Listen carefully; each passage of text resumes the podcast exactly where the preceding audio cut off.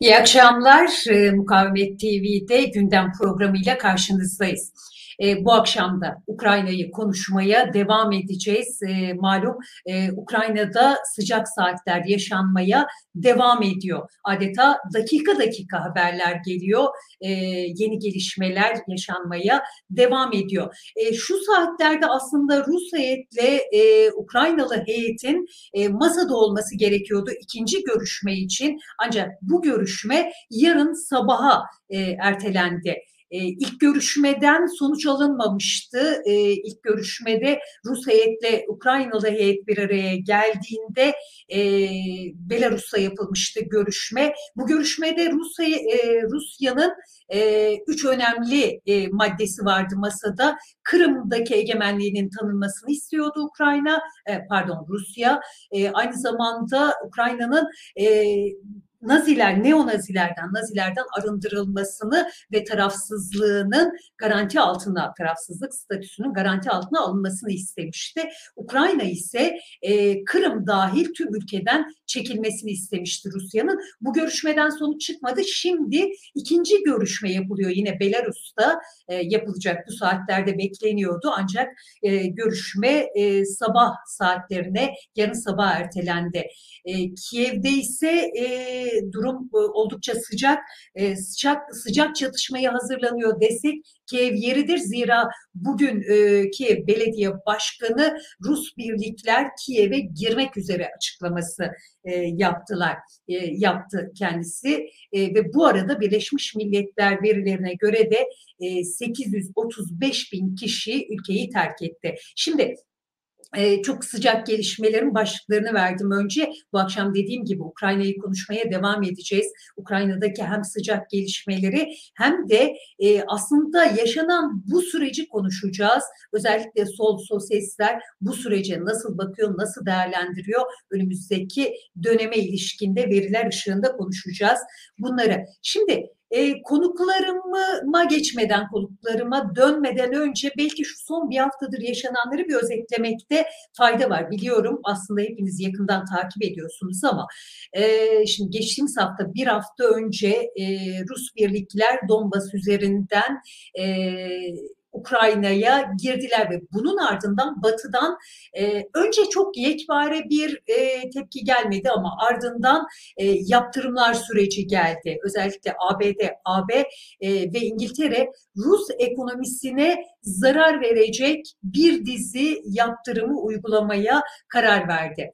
E, 7 Rus bankası e, 7 Rus Bankası için e, özellikle uluslararası para transferini sağlayan SWIFT sisteminden çıkarılma kararı alındı. Şimdi bu kararın içerisinde özellikle enerji alışverişi yapan bankalar yoktu tabii ki e, ve Avrupa Birliği e, hükümet yetkilileri ve üst düzey e, askeri yetkililer, Rus askeri yetkililerin de içinde olduğu çok sayıda kişi hakkında yine yaptırım kararı aldı ki bu kişiler arasında gazeteciler ve sanatçılar da vardı.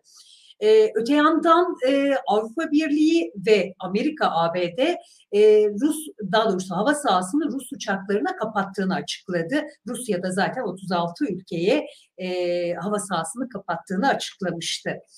E, şimdi genel olarak bu yaptırımlar devam ediyor. Tabii başlıkları da var bunların ama bu arada e, Ukrayna'ya e, çok sayıda neonazinin çatışmalara katılmak üzere e, gittiğinin haberleri de geliyor bir taraftan. E, ve öte yandan da aslında resmi yollardan olmasa bile e, Rusya'ya silah sevkiyatı da var. Hatta bu arada Zelenski e, çok sayıda yanılmıyorsam 19 bin yanlış olabilir e, paralı askerinde Ukrayna savunması için geleceğini açıklamıştı.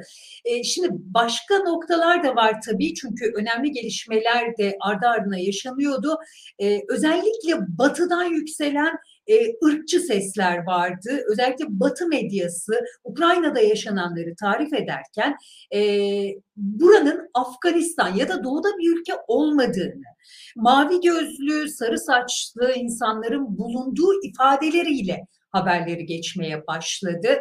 Ee, öte yandan Rus öğrenciler Avrupa'da üniversitelerden atılmaya başlandı. Hatta çok ilginç e, Dostoyevski dersi yasaklandı. Netflix e, Tolstoy'un Anna Karenina e, uyarlaması olan e, bir dizinin çekimlerini durdurdu.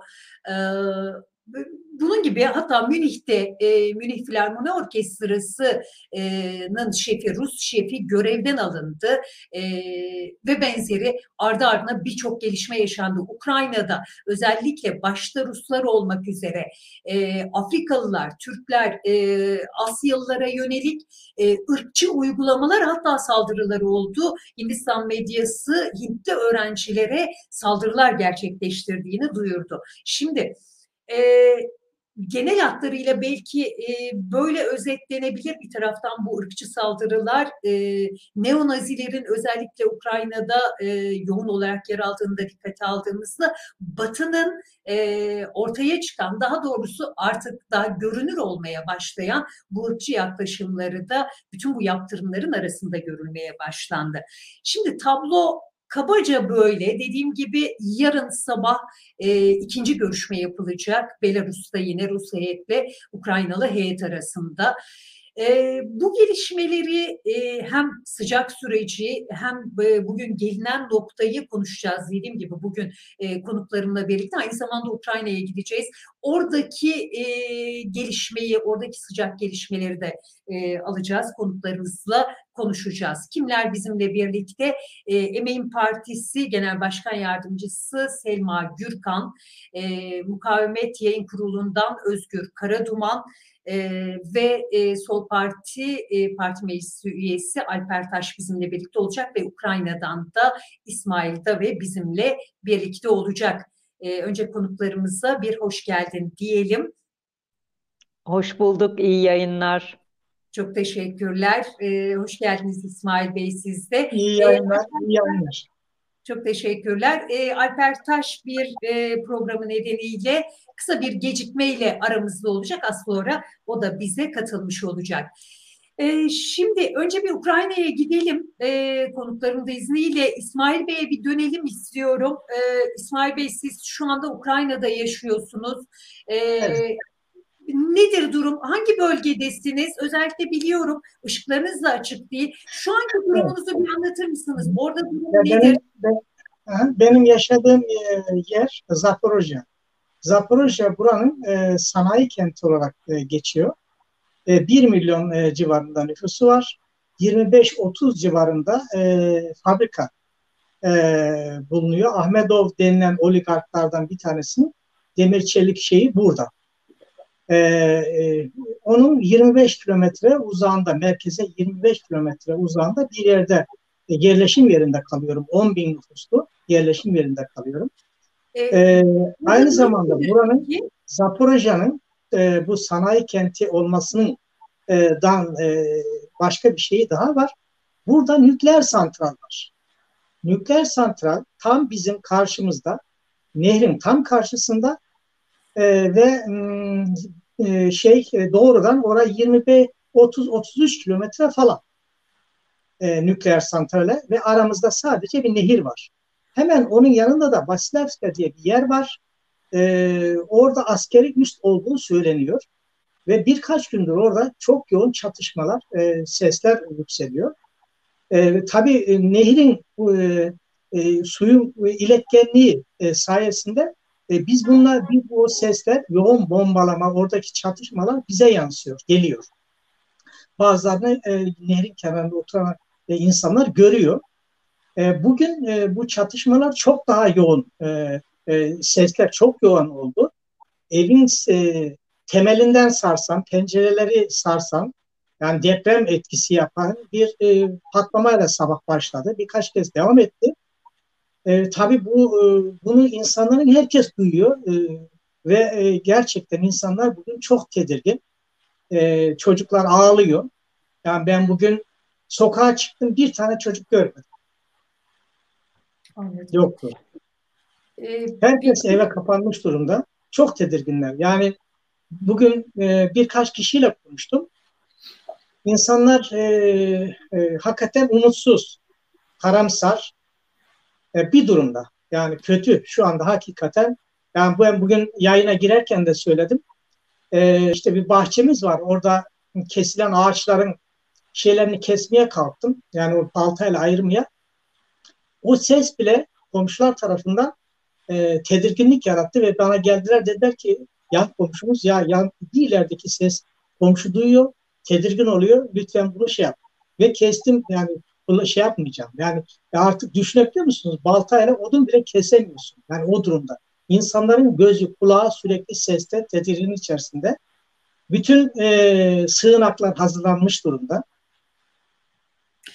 Ee, İsmail Bey sizinle konuşurken de aslında şunu söylediniz bana da e, burada şu anda biraz karanlık bulunduğunuz yer e, ışıkları Hı-hı. açamıyoruz e, dediniz. Evet. Hı-hı.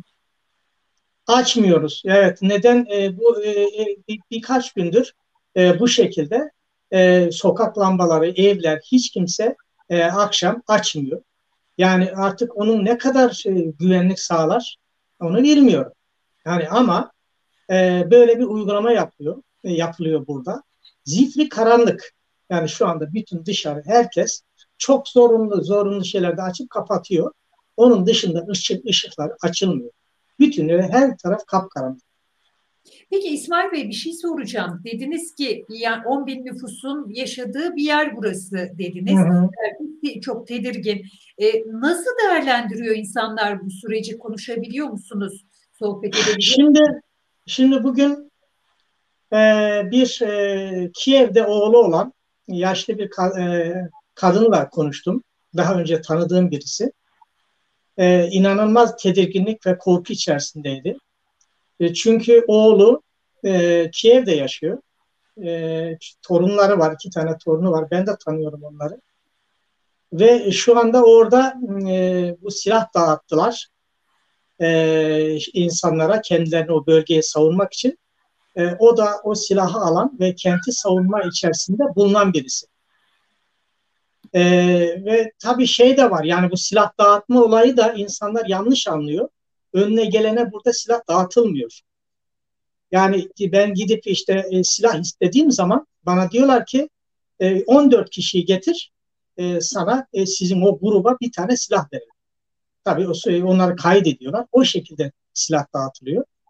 E, bu e, kadın e, çok şeydi ve muhalefeti burada Rus e, yanlısı diyeyim ya da Rusların şeyi muhalefet güçlü. E, e çoğu insan e, Zelenski'den önce e, bizim bölge e, o muhalefeti destekleyen daha çok e, insanların bulunduğu bir yer. Yani burası Rusların, Rusya'nın egemen yani şeye biz e, Donetsk bölgesine 100 e, kilometre şeye e, o çatırma bölgesine 100 kilometre uzaklıktayız. Dolayısıyla bu bölge Rusların e, daha çok egemenliğinde dil, kültür anlamında milliyetçi şeyler burada çok fazla tutmuyor. Yani o dil yasakları şu buradaki insanlar burada gülüyor, uygulayamıyorlar. Sadece bu milliyetçi şeyleri, o faşizan milliyetçi düşünceleri şeyleri ki e, Lviv gibi batı kesimlerde falan daha çok oralarda uygulanabiliyor ve onlar hakikaten de bu milliyetçilik damarı, milliyetçilik şeyi oralarda tutmuş durumda. Yani benim bir arkadaşım oradan o bölgede birisiyle iletişim kurduğunda Rusça biliyor.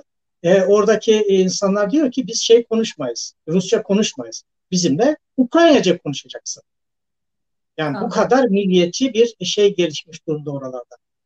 E, peki e, İsmail Bey belki konuklarımın da size sorusu olabilir. Uzun süre sizi tutmayalım. Çok uzun süre e, bizlerle birlikte olabilecek misiniz bilmiyorum. Başka sorun sorularım... yok. Benim açımdan sorun yok. Yani gerçi hem söyleyebilirim sorun yok yani ka- katılmakta yani şey yapmakta benim için bir sorun yok. Bizimle bir yani sorun yok. Çok seviniriz. Sormak istediğim e, başka sorular da var. Belki konuklarımın da olacaktır. E, bu arada o zaman siz bizimle birlikte olmaya devam edebilecekseniz ben hemen bir Selma Hanım'a döneyim. E, tamam. Selma e, siz nasıl değerlendiriyorsunuz bu süreci? Önce öyle başlayalım. Ee, öncelikle Ukrayna'nın bugün karşı karşıya e, kaldığı durum e, çok açık bir e, Rusya işgali diye e, tanımlamak gerekiyor. E, tabii burada sadece e, Rus e, emperyalizminin e, bir e, müdahalesi diye okumamak gerekiyor. E, ABD ve e, onun destekçisi Avrupa Birliği ülkelerinin e, önemli oranda e, bu çatışma e, bölgesindeki e, savaşın e, sıcak bir sıcak çatışmaya dönüşmesinde etkisinin e, yoğun olduğunu söyleyebiliriz. E, aslında e, Ukrayna'ya yönelik işgal e, sadece Ukrayna'ya e, dair bir müdahale değil. E, yani Ukrayna'nın e, yönetimini beğenmedik, onu indirelim, e, diğerleri de bu yönetimi savunalım şeklinde basit bir e, tartışma ya da bas, basit bir e, çelişki ve çatışma meselesi değil. Çok uzun süredir özellikle e, Sovyetler Birliği dağıldıktan sonra yeniden bir ekonomik güç haline gelen ve yayılmacı bir politika izleyen, e, bunu açıktan da e, izleyen e, Rusya olgusuyla birlikte çok uzun süredir e, Kuzey Afrika, Orta Doğu, e, Kafkaslar ve Doğu Akdeniz aslında bir yeniden paylaşım e, kavgalarının, e, çelişkilerinin, çatışmasının e, alanı durumunda. E, nitekim Ukrayna'da Ukrayna'ya yönelik e, bu sıcak çatışma ve işgal e, harekatı da e, bu politikanın bir parçası. Şimdi e, şöyle söyleyebiliriz. E, Ukrayna üzerinden aslında Rusya bölgedeki egemenliğini tesis etmeye çalışıyor. Ukrayna üzerinden yine ABD ve Avrupa Birliği Rusya ve Çin karşısında kendi e, egemenliğini tesis etmek istiyor. E, hakim oldukları ekonomik alanları, e, yeraltı yerüstü e, kaynaklarını, enerji kaynaklarını denetlemek ve e, paylaşım kavgasını sürdürmek istiyorlar. Ve bu ege, e, ve birbirlerine karşı üstünlük sağlama, birbirlerine karşı egemenlik kavgasını bugün Ukrayna halkının kan ve gözyaşı üzerinden gerçekleştirmeye çalışıyor. Bakın İsmail Bey aslında e, bir savaş e, ortamındaki hayatın nasıl olduğuna dair, nasıl yaşanacağına dair çok açık bir fotoğrafı ortaya koydu. Açık bir çatışmanın ortasında ölümler, acılar, kan, gözyaşı. Bunun yanı sıra bir insanlık dramı yaşanıyor, bir e, karşılıklı e, savaş suçu işleniyor ve hani bunu çok savaş diye de mi adlandırmak lazım? Çok açık bir işgal hareketi var çünkü burada ve bu işgalin karşısında bir e, çatışma var ve dolayısıyla bu savaşın çatışmanın sonuçlarını ölüm, kan, gözyaşı olarak yaşarken diğer taraftan da bunun çok farklı sonuçları var ve bunun sonuçlarını sadece Ukrayna halkı yaşamıyor. Bütün bölge halkları yaşıyor. Türkiye de bunun sonuçlarını yaşadı, yaşıyor ve yaşayacak. Bu nedenle biz sadece Ukrayna ile sınırlı diye değerlendirirsek e, eksik değerlendirmiş oluruz, yanlış değerlendirmiş oluruz.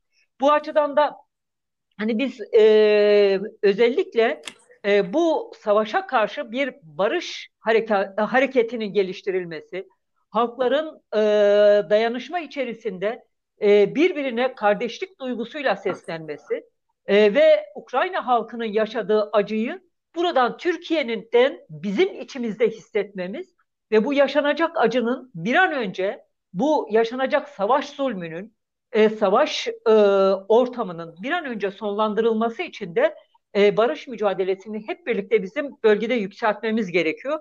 Bu açıdan da e, hakikaten e, 7 gündür e, açıkçası bir film izlenmiyor. Burada bir halkın yaşadığı acıyı izliyoruz ve bunun sonuçlarını da hep birlikte yaşıyoruz aslında.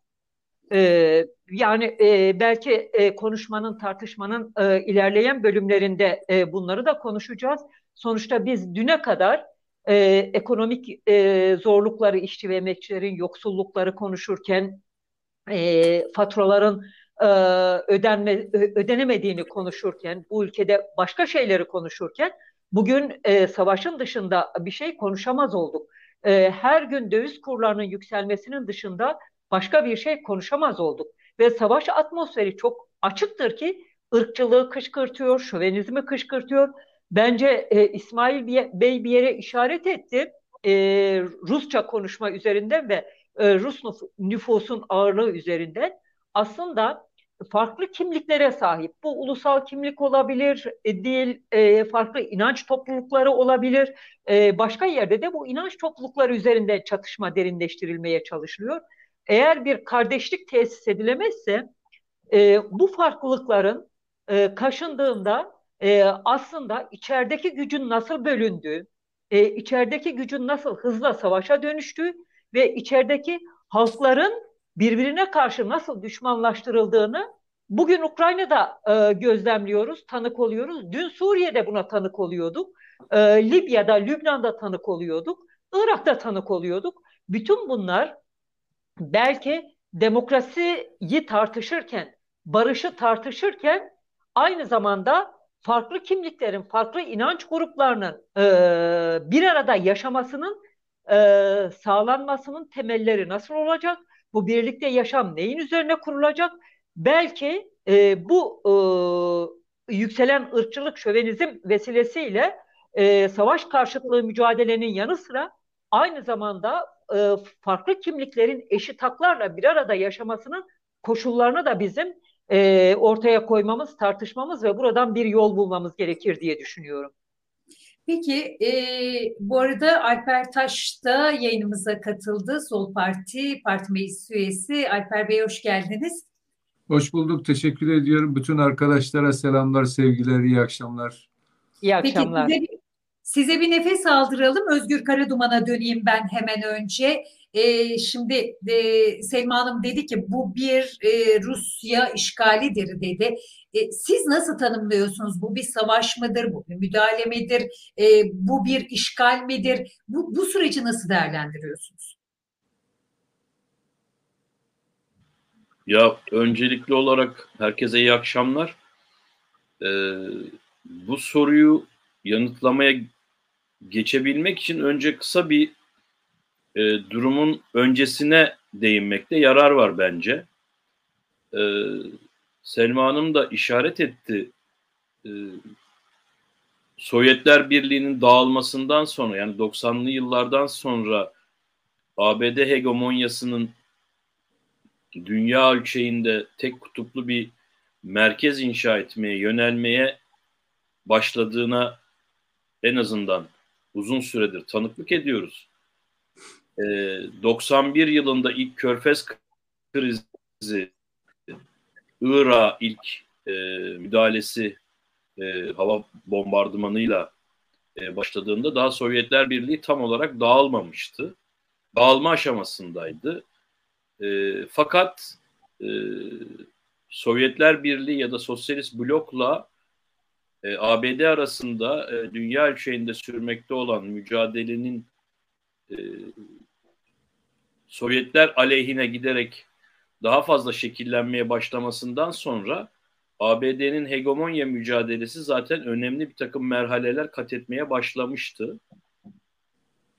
Sovyetler Birliği'nin dağılmasından sonra e, özellikle 90'lı yılların e, bütün seyrine bakıldığında ABD'nin yeni bir doktrin, e, yeni bir küresel doktrin oluşturmaya çalıştığı, Batı'nın e, bu küresel doktrini e, dünya ölçeğinde egemen kılmak için e, yeni stratejik e, hamleler üzerine e, plan yaptığını ya da çalıştığını biliyoruz. Bunun sonuçlarını da e, kısa sürede yani yine 90'lı yılların içerisinde e, Yugoslavya'da yani eski e, Doğu bloku ya da eski Doğu Avrupa ülkelerinde Yugoslavya'da e, nasıl e, gündeme getirildiğini, Almanya'nın o dönem e, nasıl e, Yugoslavya e, meselesinde, Kosova meselesinde e, bir takım kuşatma ve e, kendi hegemonik pozisyonunu güçlendirme hamlelerine yöneldiğini hatırlıyoruz. O süreç aslında daha sonrasında ikinci Körfez e, savaşıyla Irak'ta e, ondan önce Afganistan'ın bombalanmasıyla e, dünyadaki e, kapitalist devletler arasındaki hegemonya mücadelesinin e, devam ettiğini, ABD'nin bu hegemonik mücadelede dünyanın çeşitli bölgelerini çeşitli biçimlerde e, kendi e, kontrol altına almaya çalışması, burada kendisine dost ya da müttefik ya da orada bir tür sıçrama alanı yaratabileceği, bir tür truva olarak e, kullanabileceği çeşitli ülkeler e, yaratma çabası içerisinde ya da oradaki çeşitli ittifaklar e, geliştirdiğini bu süreç içerisinde yine biliyoruz. Özellikle e, Bush'un hem oğul Bush'la başlayıp sonra baba Bush'la devam eden e, Irak Savaşı e, bize yine aynı şekilde gösterdi ki e, 20. yüzyılın sonu 21. yüzyılın başının savaşlarını, hegemonya savaşlarını esas olarak enerji kaynakları, petrol, e, doğalgaz, e, petrol ve doğalgaz e, sevkiyatının e, gerçekleştirilebileceği alanlar e, ya da e, bölgeler üzerindeki hegemonya, oraların kontrol altına alınması mücadelesini de beraberinde e, getirdi. Bu alanın da aslında uzun zamandır bir tür Avrasya diye tabir edilen e, işte aşağıda yukarıda işte Sovyet eski Sovyet e, topraklarını içeren, e, Doğu Avrupa'yı içeren, Türkiye'yi, e, Irak'ı, e, bu bölgeyi içeren aslında yüksek enerji kaynaklarının hem çıkmasını hem de bunların dağılımını sağlayacak olan bölge üzerinde bir hegemonik mücadelenin Pasifik'i saymıyoruz, Çin vesaireyi saymıyoruz. O ayrı bir tartışma ama bununla da çok bağlantılı. Ama esas olarak daha Körfez krizi ve sonrasındaki Irak Savaşı ile beraber e, 21. yüzyılın hegemonya, çatışma, gerilim ve savaş e, sahnesinin Avrasya'da e, kurulacağı, bu bölgede kurulacağı çok uzun zamandan beri stratejistler tarafından da konuşulan, tartışılan bir e, durumdu.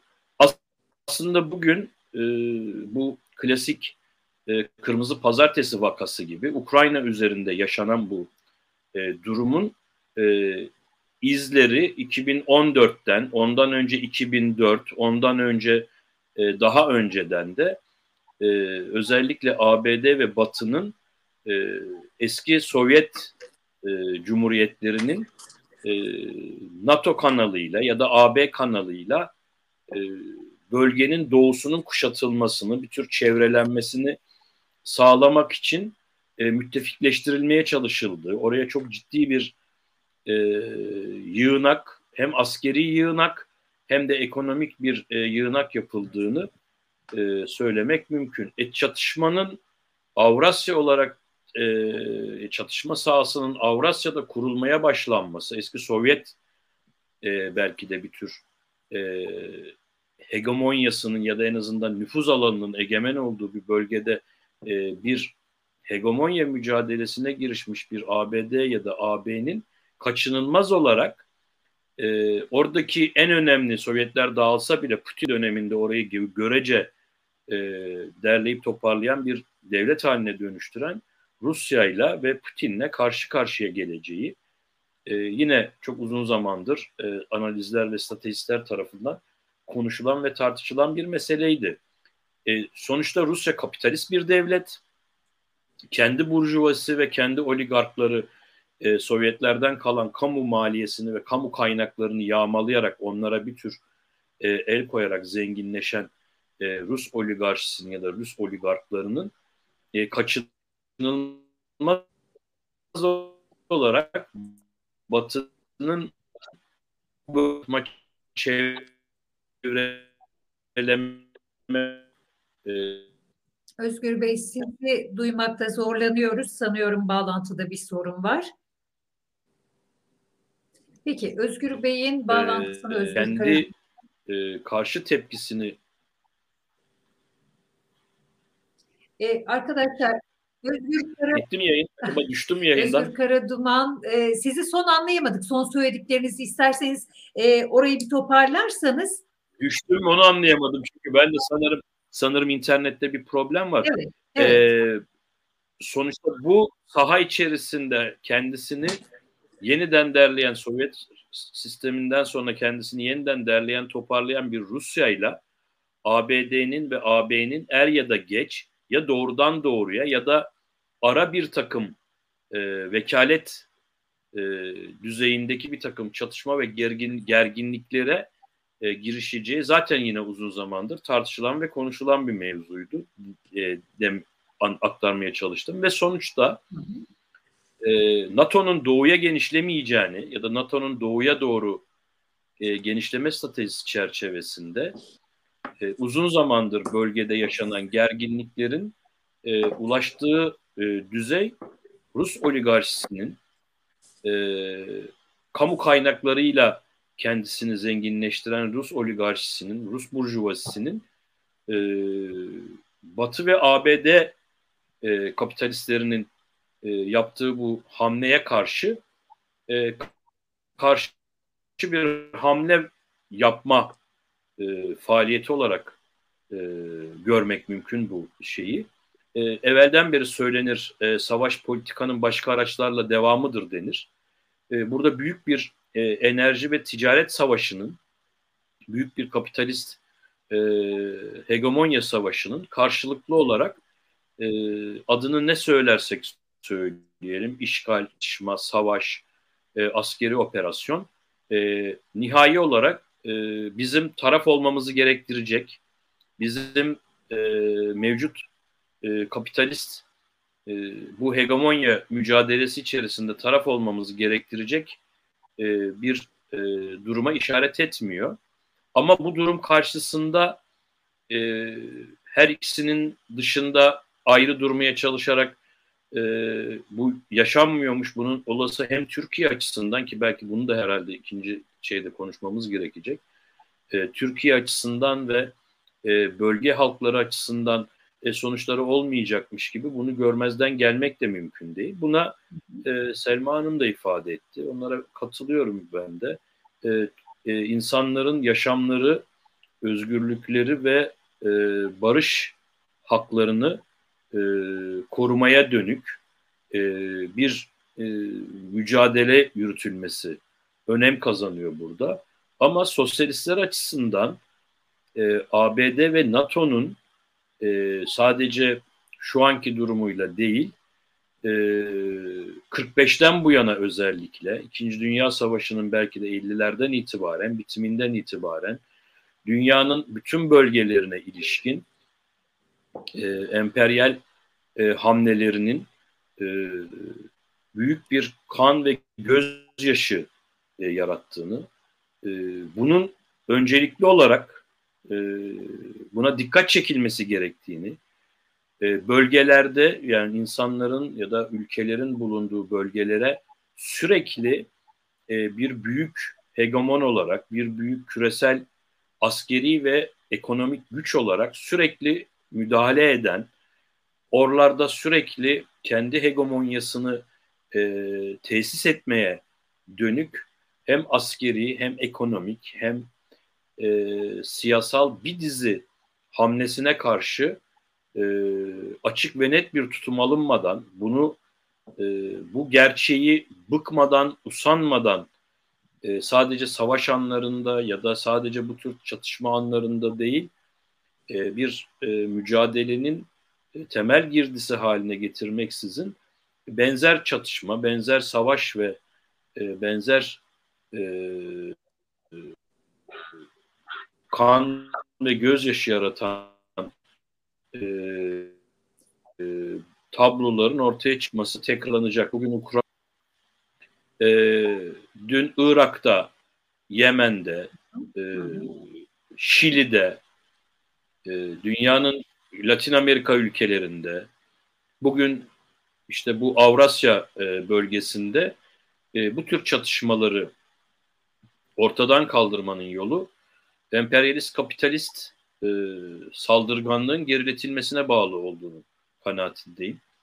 E, e, peki bu, Türkiye'deki bu sonuçların dünya... nasıl ola, Evet, yani bu nasıl kısmına geleceğim. Aslında çok sorum da var ama e, isterseniz bir Alper Bey'e dönelim, Alper Taş'a. E, ondan sonra da ikinci bölümde bu noktalara girelim.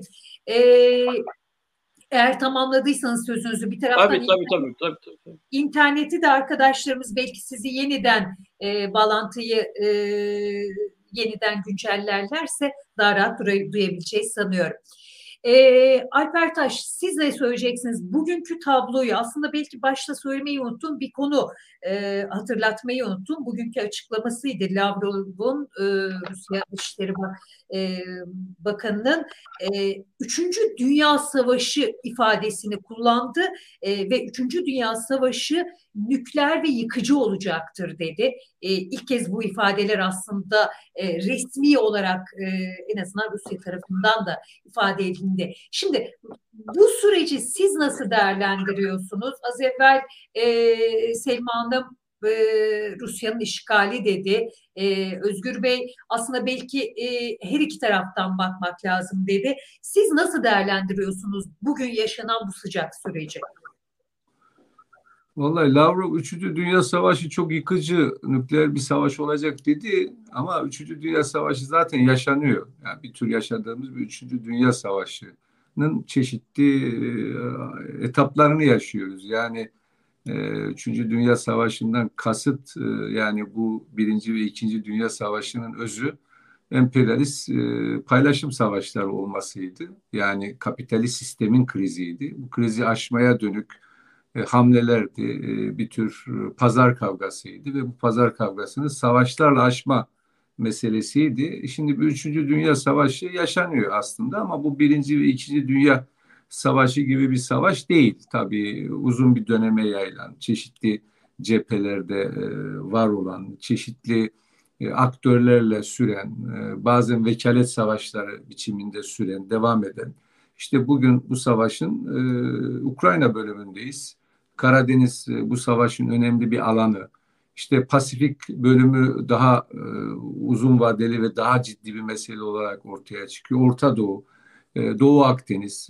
Yani bu savaşın değişik biçimlerini değişik yerlerde zaman zaman maalesef eğer bu emperyalist kapitalist sisteme karşı bir seçenek yaratamadığımız müddetçe e, emperyalist kapitalist sistem içine girdiği krizi tekeller arasında yaşanan bu e, pazar kavgası çeşitli savaşlarla önümüze gelecek. Yani bu bizim bildiğimiz bir gerçeklik.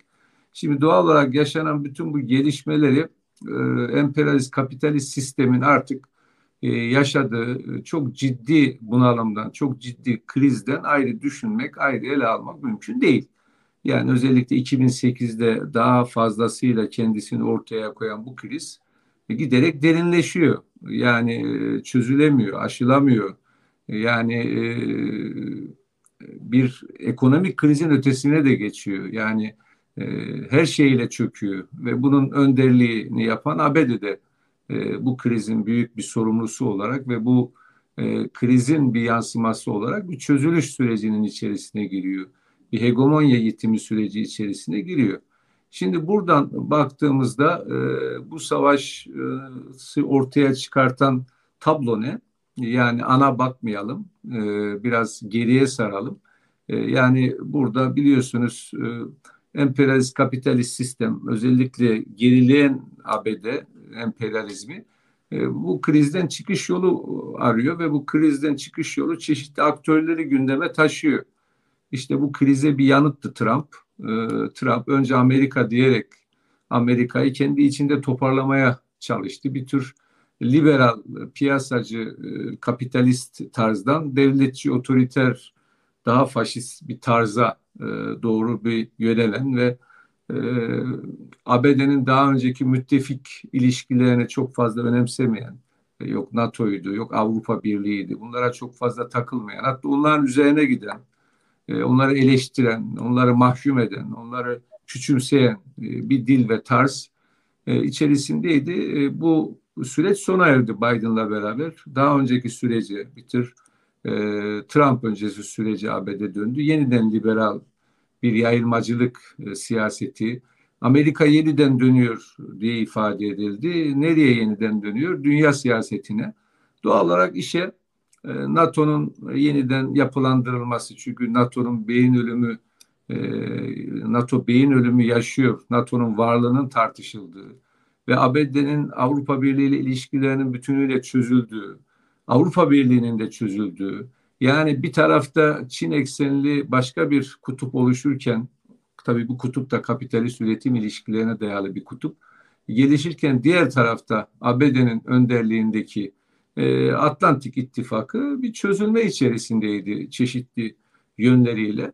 İşte Biden bu çözülüşü durdurmayı politikasının esas haline getirdi. Buna dönük bir siyaset izledi ve burada e, bir güvenlik e, politikası belirledi ve ABD'nin çıkarları ve Batı İttifakı'nın çıkarları açısından yani Atlantikçi, Atlantikçi kampın çıkarları açısından e, öncelikli yakın tehditin Rusya olduğu ama esas tehditin Çin olduğunu ilan etti zaten. Yani bu bilinen bir şey. Yani bu e, bütün dünyaya açık açık ilan edilen bir duyuruydu.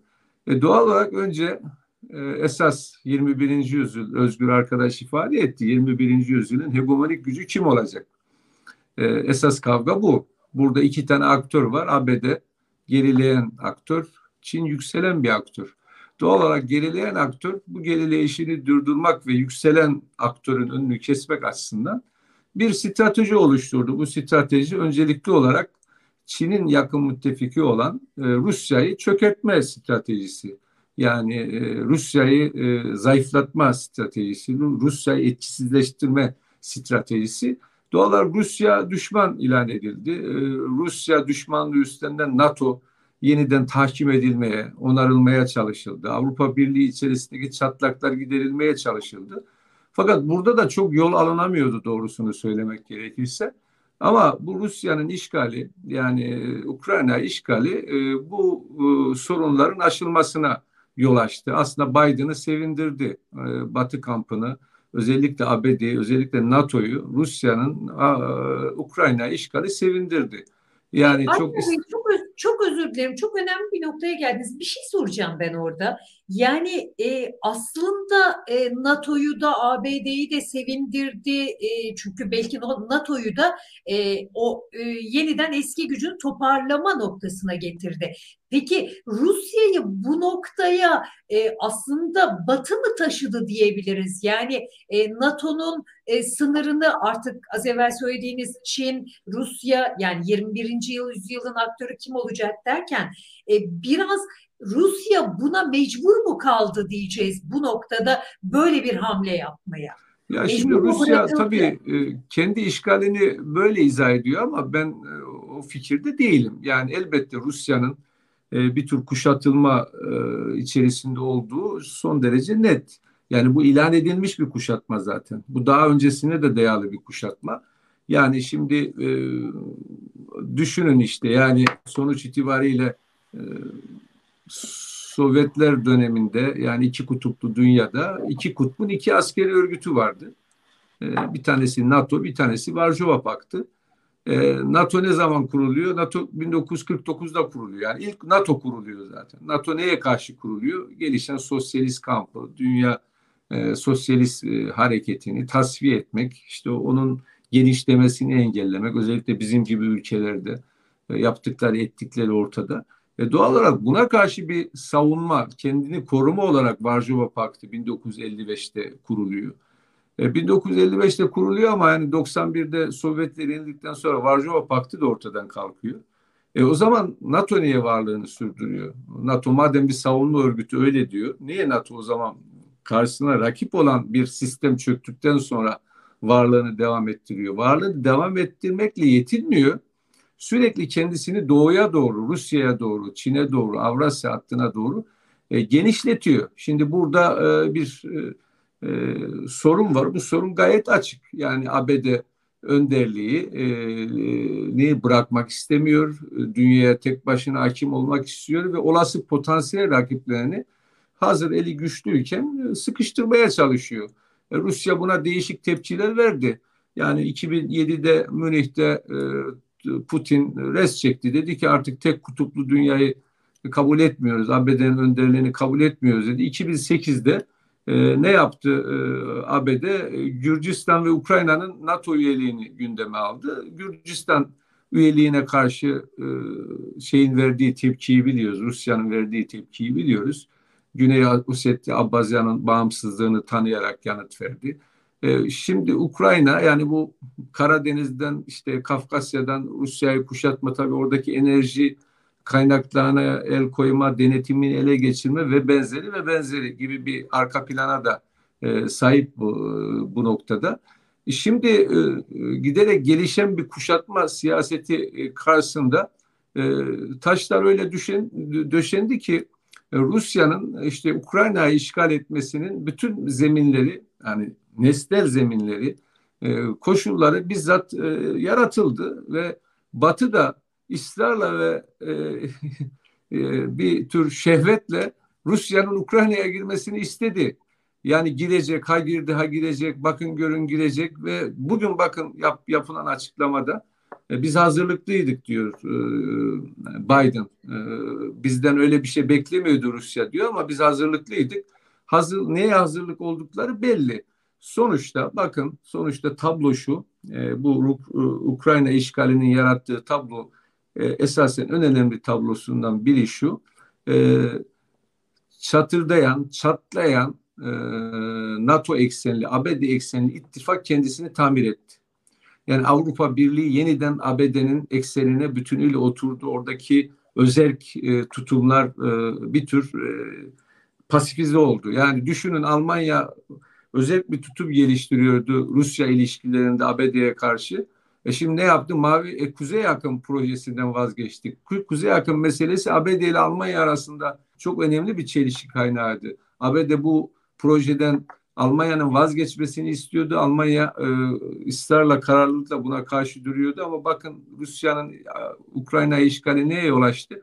Almanya'nın bu projeden vazgeçmesini yol açtı. Ve doğal olarak e, Rusya'nın işgali NATO'yu yeniden kemikleştirdi. NATO'yu yeniden onardı. Avrupa Birliği'ndeki ABD arasındaki çelişkileri tekrar ortadan kaldırdı. O çatla giderdi ve Rusya büyük bir yıpratma savaşının içerisine çekildi. Yani bunu görüyoruz, yaşıyoruz. Büyük bir ekonomik kuşatma. Yani basit bir şey değil. Bunun devamı da gelecek. Yani Rusya'nın işi zor. Yani Rusya aldı, götürüyor filan gibi konuşuyor insanlar ama benim gördüğüm yani benim izlenimim Rusya büyük bir bataklığın hatta bu konuda da çok eleştiri aldım. Ee, bataklık gibi kavramları kullandığımdan dolayı yaşanmış deneyimler var. Şimdi Ukrayna'da e, ki iktidara karşı büyük bir silah akışı var. Türkiye'de buna dahil büyük bir silahlandırma var. Zaten öncesinden Ukrayna silahlandırılmış. Ukrayna ordusu eğitilmiş. Sivil halk eğitilmiş. E, esasen e, şimdi Rusya'nın işgaline karşı bir mukavemet e, oluşmuş durumda. Bu mukavemet öyle kolay kolay e, bitmeyecek. Yani Kiev'e girse bile e, Kiev'i alsa bile işte mevcut Zelenski iktidarı devirse bile sonuç itibariyle oradaki e, çatışma, oradaki gerilim, oradaki iç savaş demeyelim de savaş yani iç savaş olmaktan çıktı. Ee, belki değişik yönleriyle iç savaşa da evrilebilir. Bu ayrı bir tartışma konusu. Ama Rusya e, bakın dünyada yalnızlaştı. Rusya işte Çin bile yani belirli noktalarda Rusya'nın yanında Rusya'yı anlıyorum diyor ama Çin bile ekonomik manada girilecek kavgada e, kendi zeminini düşünerek biraz da ihtiyatlı tutumlar alıyor. Kim var e, şeyin yanında Azerbaycan ve Ermenistan'ın dışında Rusya'nın yanında duran Belarus gibi ülkelerin dışında kimse kalmamış vaziyette ve bu yaptırımlar öyle basit yaptırımlar da filan değil. Çünkü Rusya'nın en büyük yumuşak noktası karne ekonomisi. Yani askeri gücü çok yüksek doğru. Yani şey, silahları çok yüksek nükleer silah kapasitesine sahip ama ama ekonomik manada o kadar güçlü bir ülke olmadığı açık ve en zayıf yerinden vuruyorlar Rusya'yı. En zayıf yeri ekonomik yeri. 650 milyar dolarlık rezervi varmış. E, rezervi var da ne yapacak o rezervi? Bütün dünyada kuşatıldı. Bu kuşatma tabii büyük bir faşizan iklime de yol açıyor. Yani Rus olmanın bütün dünyada ayıplandığı, Rus olmanın bütünüyle e, kötülük manasına geldiği ve bütün Rus e, kaynaklı kişilerin, e, kurumların, yapıların, sanatın e, kapı dışarı edildiği, tukaka edildiği, bir tür bugünkü Bir Gün Gazetesi'nin manşetinde olduğu gibi bir dönemin McCarthy'cılığı gibi e, bir e, cadı avının e, tam, başlatıldığı. Tam o noktaya geleceğim Alper Bey. Özellikle ikinci bölümde o noktaya geleceğim. E, aslında şimdi şurada... burada e, bir şey soruna yanıt verdi mi bilmiyorum ama Sonuçta bütün bu süreçler e, yani Rusya'nın Ukrayna'yı işgal etmesini haklı kılan, e, meşru kılan gerekçeler değil. E, Ukrayna'ya savaş ilan etmeksizin Rusya bu kuşatmayı yara, yar, yarabilecek politikalara e, sahipti. Bu politikaları devreye sokabilirdi. Bu politikalar etrafında bir siyaset e, inşa edebilirdi ama e, en kolayını seçti ama en e, sıkıntılı olanını e, seçti. Yani en basitini seçti ama en zor olanı, basit gözüken en zor olanı doğal olarak Rusya artık e, büyük bir kuşatmayla yüz yüze bu kuşatmadan nasıl çıkacak? Çıkabilecek mi? Ne düzeyde çıkacak? Yani e, kazansa bile e, bir, bir bu bir zafer elde etse bile bunun bir Pirus zaferi olacağını e, görmek gerekiyor. Zaten e, yaşananlar da bunu gösteriyor. Peki. Ee, bir İsmail Bey'e dönelim tekrar Ukrayna'ya. Ee, İsmail Bey, e, siz nasıl değerlendiriyorsunuz? Sizin de özellikle içeriden doğru e, bu süreci nasıl değerlendirdiğinizi e, öğrenmek isterim doğrusu ama bir taraftan şunu da sormak istiyorum. Yani e, yekpare özellikle gerek parlamento açısından sor, soruyorum siyasi atmosfer açısından bir yekpare Zelenski ile yan yana duruş politik anlamda böyle bir tablo var mı? Siz bunu gözlemleyebiliyor musunuz? Ya da parlamentoda buna aykırı sesler başka bir yol yöntem önerisi var mı? E, Komünist Parti yanılmıyorsam kapatıldı yasaklanmıştı yanlış anımsamıyorsam. E, yerine gelen sosyal demokrat sol partilerin parlamentodaki tavrı ne? E, bunları takip edebiliyor musunuz? E, nedir oradaki siyasi atmosfer? Şimdi e, Komünist Partisi kapatıldı gibi bir ifade kullandınız. Burada Komünist e, Partisi'nin yani komünizm alameti taşıyan e, herhangi bir şeyi e, taşımak suç, kanunen suç. Yani ben e, sokakta satılıyor komünist alameti taşıyan işte Lenin'in e, rozetleri, bir takım şeyleri falan. Yani ben bir tane rozet aldım, takmaya kalktım. Dediler sakın ha böyle bir şey yapma. Başın belaya girer. Yani burada e, 1 Mayıs'lara katılıyorum. Yani işte 2-3 kez katılabildim. E, asla e, komünist e, şeyi çağrıştıran e, herhangi bir şey e, taşımak, açmak mümkün değil. Yani birisi orada bir kızıl şey açtı. Bir en sonunda sanıyorum gittiğinde. Hemen onu bir biçimde o içindekiler şey yaptı. Engelledi.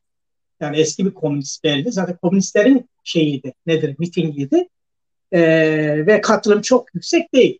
Yani burada komünistlerin, sosyalistlerin e, durumu sindirilmiş, e, sindirilmiş e, yer altına. Yani ben Lenin'in e, Lenin'in posterinin e, çatı katında e, fotoğrafını çektim yani şekilde.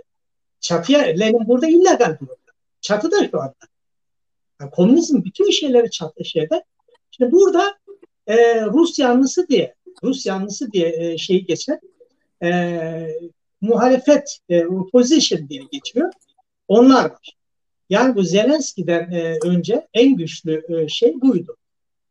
E, ama şu anda e, bu Zelenski e, gerçekten bu e, şeyini çok iyi kullandılar. Zelenski'yi buradaki oligarklar e, onu hakikaten çok iyi kullandılar. Yani Türkiye'deki e, Türkiye'de AKP'nin e, sol sosyalist sol değerleri kullanması gibi Zelenski iktidara gelirken e, kitleleri arkasına alırken e, halk tarafından inanılmaz bir sevilme durumu var. Yani e, biliyorsunuz e, Zelenski oyuncu ve e, seçilmeden önce de işte e, bir e, cumhurbaşkanını e, canlandırıyordu. Halktan sıradan bir tarih öğretmeni. Ben büyük e, şeyini de hani e, izlemeye çalıştım, izledim. E, yani orada e, işte onunla halka ulaştı. Yani o televizyon bir artı bir de bir oligarkın e, şey televizyonu e, İsrail'de, Batı'da şu anda yaşıyor. 5-6 tane televizyonu var. Ve e, e, e, sildi süpürdü. Muhalefet şu anda örneğin bir kadına gittim bugün. işte konuştum. E, muhalefet partisine, o muhaliflere çok kızgın. Hatta bana dedi ki kaçtıklarının türünden bir şeyler söyledi. Yani başkanının başkanının kaçtığı türünden bir şey söyledi. Yani şu anda darma duman. Yani ben herhangi bir muhalefet e, şeyine e, açıklama ya da bir şey göremiyorum. Yok yani herhangi bir şey yok. Türkiye gibi falan değil burası. Yani Türkiye'de insanlar işte herhangi bir siyasi şey adına ya da ne bileyim işte Komünist Parti adına çıkıp siyaset yapabiliyor. Doğru yanlış. Ee, ve durum bu. Yani şey e, hani cevap oldu mu bilmiyorum. Yani sizin sorunuza. Buradaki e, nesnel durum bu. E, peki e, özellikle neonazilerin e, etkin bir e, şeyi var Ukrayna'da. E, özellikle bölgede bunun varlığı hissediliyor mu? E, gerçi anlattıklarınızdan biraz da o sonucu almış oluyoruz ama e, tablo açısından şu anki gidişatı e, nasıl görüyor insanlar orada? Ya da siz nasıl görüyorsunuz aslında doğrudan size sorayım. Hı hı. Şimdi benim bulunduğum bölge e, çatışma bölgesine e, 100 kilometre uzaklıkta. E, dolayısıyla e, doğuya Ruslar Rus tarafına yakın olduğu için Rus egemenliği, Rus e, şeyi burada e, geçmişten beri e, yok. E, burada e, milliyetçi politikalar, milliyetçi politikalar etkin olamıyor bizim bölgemizde. Hatta ben şunu söyleyeyim size, e, bu 23 Şubat her yıl 23 Şubat e, burada e, Kızıl Ordu'ya e, Rus e, askerlerinin e, katılma yıl dönümü olarak kutlanır.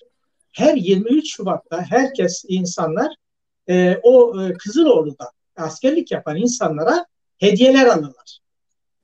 E, bu 23 Şubat'ta da benim bulunduğum e, yerel birimde 10 bin kişilik e, şeyde e, yerleşimde en az yarısı bu kutlamaları yaptı. Düşünebiliyor musunuz? Bu kutlamaları yani yaptı ve o ertesi günü bu Kızıl Ordu e, ruhu, e, onun şeyini taşıyan e, insanlar, e, ruhu taşıyan insanlar e, Rus saldırısı ve işgaliyle e, karşılaştı. Şimdi bir kez şunu söyleyeyim. E, ben dahil yani ben e, bu sadece Donbas e, işte o bölgenin işgali e, ile sonuçlanacağını falan düşünüyordu ve ona da zaten bu bölgede yani Ukrayna'da çok büyük bir tepki yok. Eğer orayı Rusya, e, Donbas e, iş, e, zaten orayı bir daha önceden e, özel bir bölge ilan edilmişti. Üçte birini elinde tutuyordu. Geri, geride kalan üçte iki e, çatışmalar devam ediyor. Eğer orayı e, sağlamış olup orada dursaydı e, e, inanın e, burada halkın hiç kimse çok fazla bir tepki çok yoğun bir şey olmaz diye düşünüyorum. Ee, şimdi burada e, hani sorun neden bu noktaya geldi? Önce onu düşün, düşünmek gerekiyor. Neden? Neden bu sorun çözülmedi? Bu tarafa hani Batı tamam emperyalistler kışkırttı falan ama yani onu siz de gerçekten çok iyi görüyorsunuz. Ee, şimdi e, Donbas e, bölgesi, Donber, Donbas bölgesi 2014'ten beri yani o Yanukovic'in e, devrilmesine devrilmesi yeni hükümetin o şeyine karşı çıkan özellik ilan eden ve orasının özel bir durumu da var. E, Rus nüfusunun çok yoğun olduğu ve e, bütün buranın oligarklarının oligarklarının Paraşenko'sundan Görnikaviç'esine bir sürü şeyine e, oralı, ora kökenli nedeni de orası e, çok zengin. Yani e, doğal e, yeraltı e, madenleri kömür açısından çok zengin bir bölge. E, o yüzden o yüzden zaten hani e, şeyler de yöneticilerin orada olması da çok şaşırtıcı değil. Oradan o zengin bölgeden geliyor. Şimdi o işte Minsk, Minsk anlaşmasına birinci ikinci anla şey yaptılar. Bu uygulanmadı. Uygulayamadılar. Yani e, Zelenski iktidara gelirken halkı şöyle kandı. Dedi ki e, e, Paraşenko bu halkın beş yılını çaldı. Ben bu sorunu çözeceğim. Halkı buna inandırdı. Artı o kuartırada yani dizide de onu çok iyi sol değerler kullandığı için sol insanların çok iyi kafasına AKP'nin yaptığı gibi o liberal solcu şeyi çok iyi çizdi. Yani Che Guevara şeyleri, işte resmimi asmayı falan bütün sola değerler hepsini kullandı. Ama iktidara geldi. Gel, belki e, Zelenski kişi olarak bunu çözmek de isteyebilir ama oligarklar, milliyetçi e, kesim e, buna izin vermediler. İzin vermediler. Ve Zelenski o zaman şöyle iki yıldır bekliyor insanlar geldi. Zelenski e, o şey şöyle düşündüler. Biz bu işin içinden bu e, Minsk anlaşmasını uygulamadan e, o Ruslardan nasıl kurtuluruz? o saldırıyı biliyorlar bir şey olacağını. Şöyle kurtuluruz diye düşündüler. Biz e, batıya e, daha fazla yanaşalım. E, işte e, e, nedir e, oraya daha fazla yanaşır ve batıya kendimizi atarsak e, bütünleşirsek bir biçimde Rusya buna cesaret edemez, gücü yetmez gibi bir şeye girdiler. Ha burada halk inanın yani o 23'ünde şeyinde halkın kesinlikle ben dahil yani çok rahat konuşuyorum, iletişim kurabiliyorum. Hiç kimsenin kesinlikle Rusya'nın buraya bir saldırı, bütünlüklü bir saldırı, Amerika'nın şeyini biz bir propaganda olarak düşündük. Kesinlikle düşün, düşünmediler. İşgal şeyi düşünmediler. Hiç kesin aklının ucundan geçirmedi. E, şeyin de Putin'in de zaten aynı halk açıklaması burayı. Yani biz aynı halkı.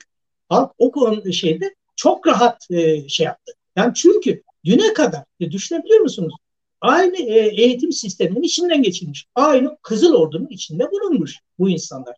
Birbirlerine kardeşten dışında aynı dili kullanıyorlar. Aynı eğitimi almışlar. Yani aynı mücadelenin içerisinde yıllarca e, bulunmuşlar. Şimdi böyle insanlar nasıl düşünür böyle bir şey? Ama şimdi gelinen nokta şu. İnsanlar, ben burada yerel insanlar şunu söylüyor. Birkaç nesil bu e, Putin e, saldırganlığı, bunu artık nasıl e, te, işgali, e, Rus e, şeyine, nefretine dönüşecek ve bu birkaç nesil bu nefret şeyi devam edecek. İnanılmaz üzgün, kızgınlar. Yani bu şey e, Putin'in e, şeyi karşısında ve zaten burada eskiden Putin'e karşı da çok yoğun bir şey var, tepki var. Yani ben Kiev'de tuvalet kağıdının üstüne Putin'in e, resimlerinin çizili tuvalet kağıtları gördüm. Kıçını siliyor insanlar burada tuvalet, e, şeyin, e, affedersiniz Putin'in tuvalet kağıtları üzerine şey üzerine. Öyle bir nefret var. Bu daha çok batıda yani Rusya karşıtı milliyetçi şeyler daha batıda. Yani buralar çok şey değil.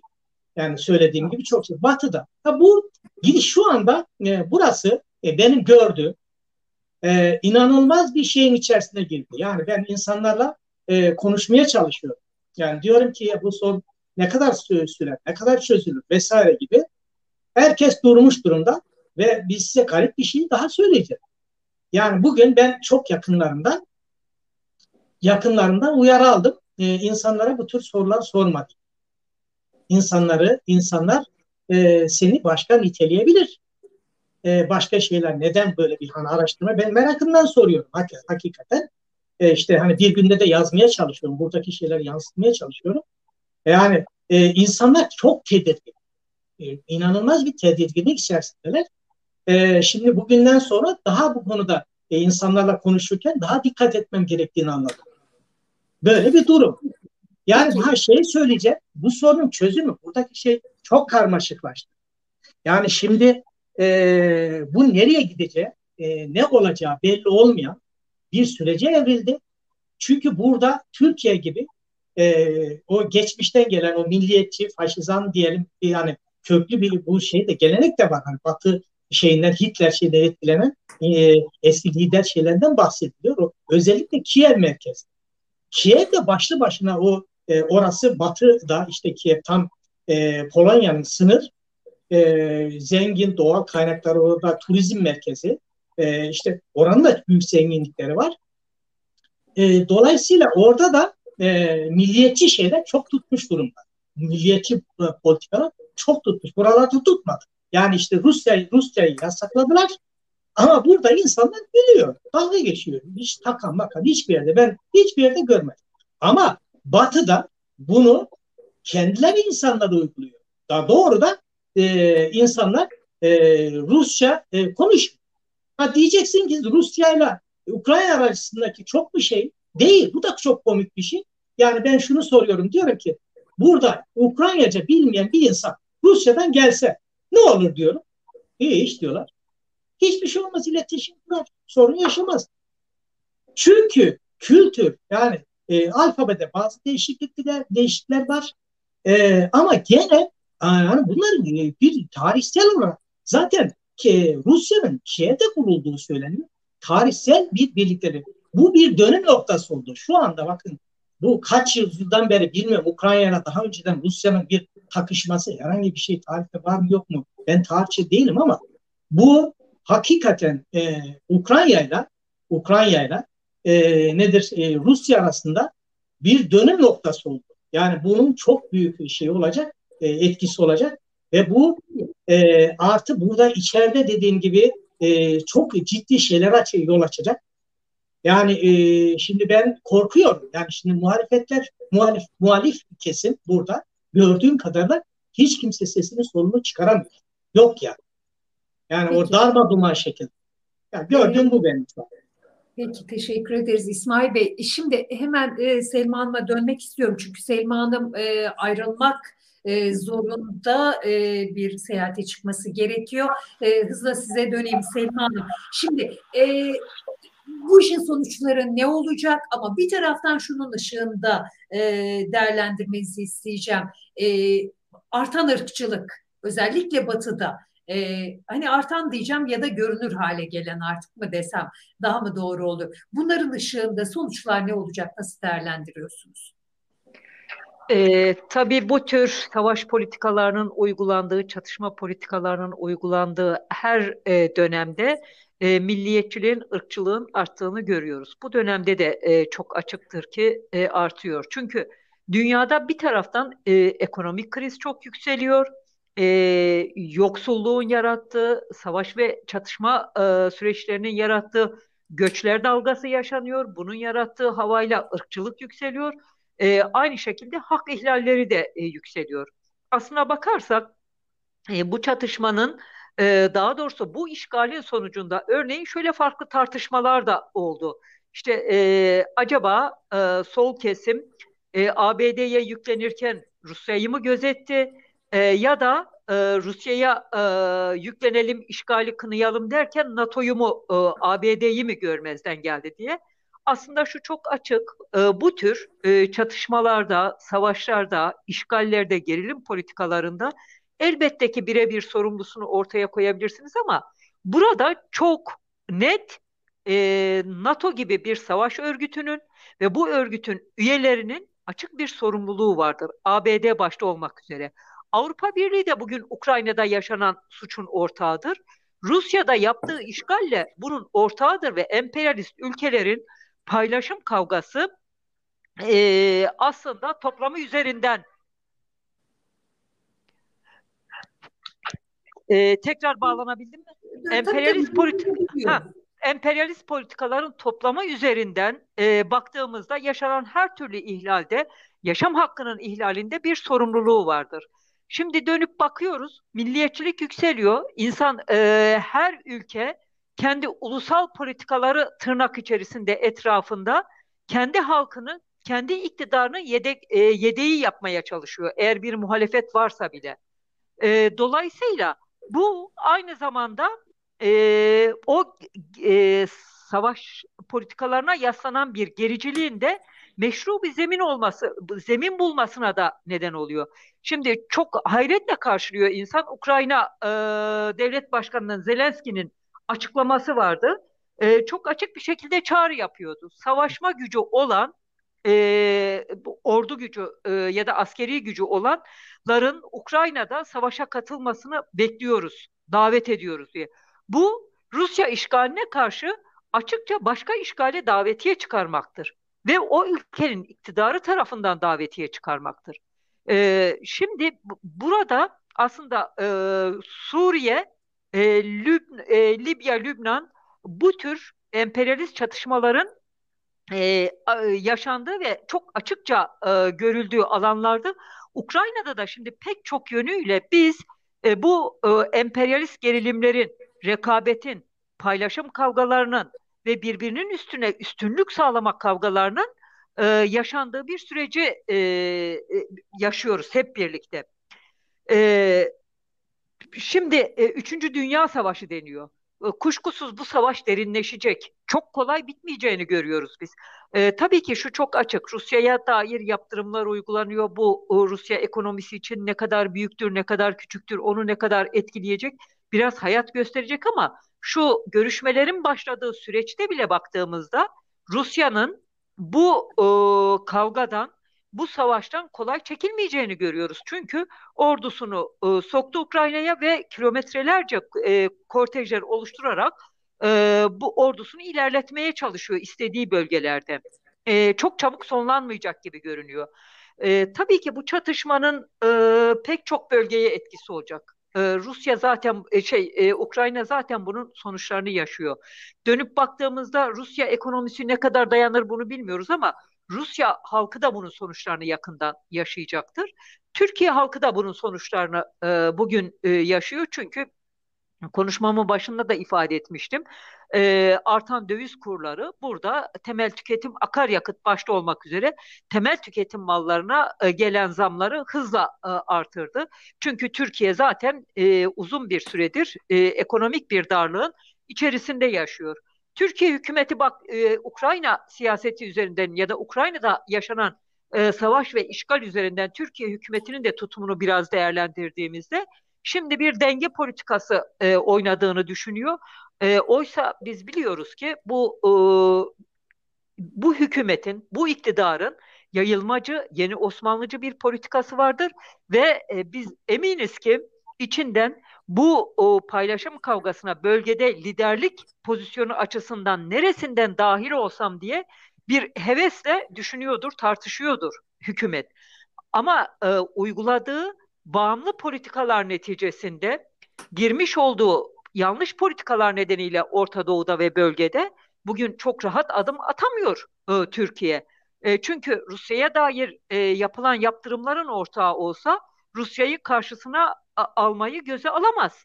Çünkü daha öncesinde bir uçak krizi üzerinden bile e, yaşanan e, sonuçlar hem e, Türkiye işçi ve emekçilerine faturası ağır oldu hem iktidara bunun e, siyasi olarak e, faturası ağır oldu. Diğer taraftan Rusya'nın yanında saf tutamaz bir NATO ülkesidir Türkiye. E, ABD ile yaşadığı krizlerin sonuçlarını e, hep birlikte e, yaşadık. E, dolayısıyla Türkiye şimdi bu sıkışmışlığın içerisinde denge siyaseti e, adına e, bir siyaset e, gütmeye çalışıyor. E, biz e, Türkiye'de yaşayan işçiler, emekçiler ve halklar olarak tabii ki bu e, savaşın, işgalin sorumluluğunu e, emperyalist güçlere eşit olarak dağıtırız. Her e, ülkenin e, uyguladığı politikaların sonuçları neyse e, o uyguladığı politikaların ağırlığında bunun sonuçlarını ve sorumluluğunu e, yükleriz. Bu ayrı bir şey. Ancak bu şu anlama gelmiyor. Biz geride duracağız. Ukrayna bir savaş alanı olsun ve burada e, her ülkenin sorumluluğunu tespit eder ve buradan bakarız. Hayır. Tam tersine bizim bulunduğumuz her yerde bölgede emperyalistlerin varlığına itiraz etme, emperyalist politikalara itiraz etme, emperyalistlerin güç ve paylaşım savaşına itiraz etme gibi bir görev yükümlülüğümüz var. Şimdi e, açıklamalarımızda zaten e, bunu yapmaya çalıştık. E, sokaklarda, meydanlarda barış seslerimizle bunu yükseltmeye çalışıyoruz. E, ve şu çok açık, e, çok önemlidir. E, dünyanın dört bir tarafında emperyalist devletlerin bu politikalarının karşısında o ülkelerin halkları da barış çığlığını atıyor. Emperyalist devletler savaş çığlığını atıyor. Nükleer silah da dahil halkları tehdit ediyor kendi egemenlikleri için, siyasi güçlerini sağlamak için. Ama halklar da buna boyun eğmiyor. Şimdi Yunanistan'dan Fransa'ya kadar pek çok yerde barış çığlığını görüyoruz. Aynı şekilde Rusya'da kadınlar başta olmak üzere Rusya halkı da bu Rusya işgaline karşı çıkıyor. Kendi hükümetinin e, Ukrayna'ya yönelik işgaline karşı çıkıyor. Yani e, iktidarlar kendi politikaları etrafında o kadar da kolay birleştirmemişler halkı. Bu açıdan da Türkiye'de barış mücadelesinin yükselmesinin önemli olduğunu düşünüyoruz. Çünkü Türkiye bunun deneyimini de yaşadı. Dün bir, e, 1 Mart Irak tezkeresinin yıl dönümüydü. E, Özgür Bey konuşma e, programın başında e, aslında e, Ukrayna işgaline gelen sürecin biraz tarihsel arka planına işaret etti. Önemli e, hatırlatmalardı, tarihi hatırlatmalardı bence. Şimdi bu Irak işgali karşısında Türkiye'de geniş bir kesim barış koalisyonu oluşturarak, barış birlikteliği oluşturarak e, parlamentoyu da bu birlikteliğin, bu o, koalisyonun baskısıyla e, 1 Mart tezkeresine hayır oyu vermeye zorladı, baskıladı ve hayır oyu çıkmıştı. Dolayısıyla biz e, ülkenin her yerinden dünyada yükselen barış sesine e, barış sesimizi katmalıyız ve emperyalist politikalara karşı itiraz sesimizi yükseltmeliyiz. Son bir kez ayrılacağım için e, son mesajımı da vermek istiyorum Dilek Hanım ben. Önümüz 8 Mart e, Dünya Emekçi Kadınlar Günü. Aynı zamanda enternasyonel bir gün.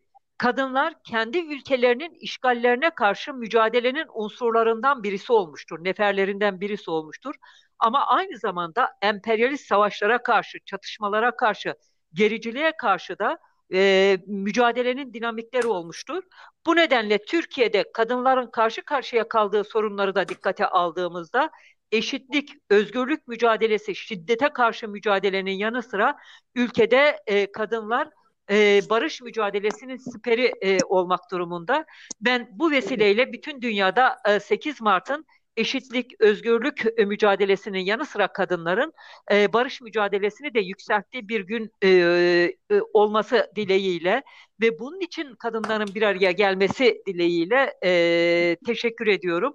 Ukrayna halkına buradan dayanışma duygularımızı tekrar e, sizin aracılığınızla ve İsmail Bey e, aracılığıyla e, iletmek istiyorum. E, halkların kardeşliğini hep birlikte beslemek zorundayız. Çok teşekkür ediyorum. Peki biz teşekkür ederiz Selma Hanım. Emek Partisi e, Genel Başkan Yardımcısı Selma Gürkan bizimle birlikteydi. Katılması gereken bir seyahate çıkması gerekiyordu. O yüzden erken ayrıldı aramızdan. Peki Özgür Karaduman'a e, döneyim hemen.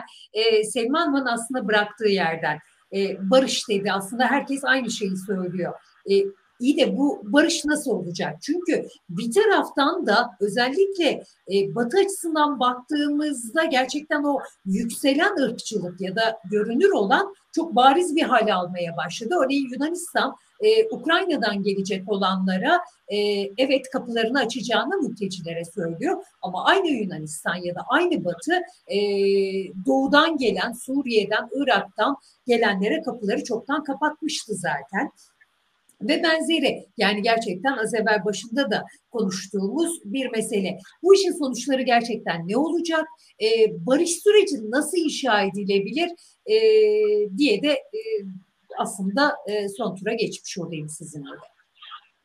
Ya internetin de çok kötü sürekli düşüyorum sanıyorum ya da donuyor.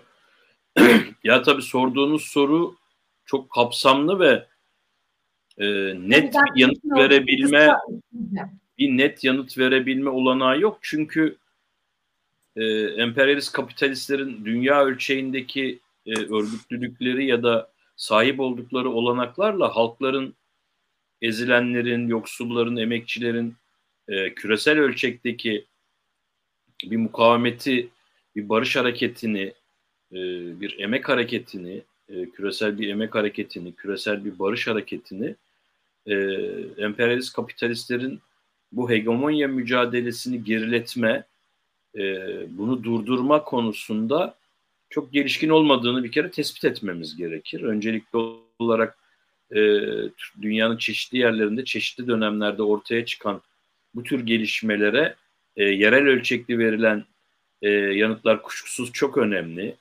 E, sorunun taraflarının kendi ulusal e, bölgelerinde de kendi ulusal e, çerçevelerinde e, kendi iktidarlarına karşı e, muhalefet geliştirmeleri çok önemli. Ama toplam bütün deneyimimiz e, bu konudaki küresel ölçekteki e, güçlü bir e, hareketlenme, güçlü bir direniş örgütleme konusunda o kadar da e, gelişkin olmadığımızı gösterdiği için açıkçası bir tür umutsuzluk ya da bir tür e, karamsarlık açısından değil ama bu kadar güçlü e, çatışmaların ya da bu kadar güçlü e, savaşların yaşandığı bir e, toplama e, hem yerel ölçekte hem de küresel ölçekte gelişkin ve e, birleşik ve güçlü yanıtlar geliştiremiyoruz hali hazırda. Ama zaman zaman e, Selma Hanım çok haklı olarak işaret etti. E, 1 Mart e, tezkeresi 2000 e,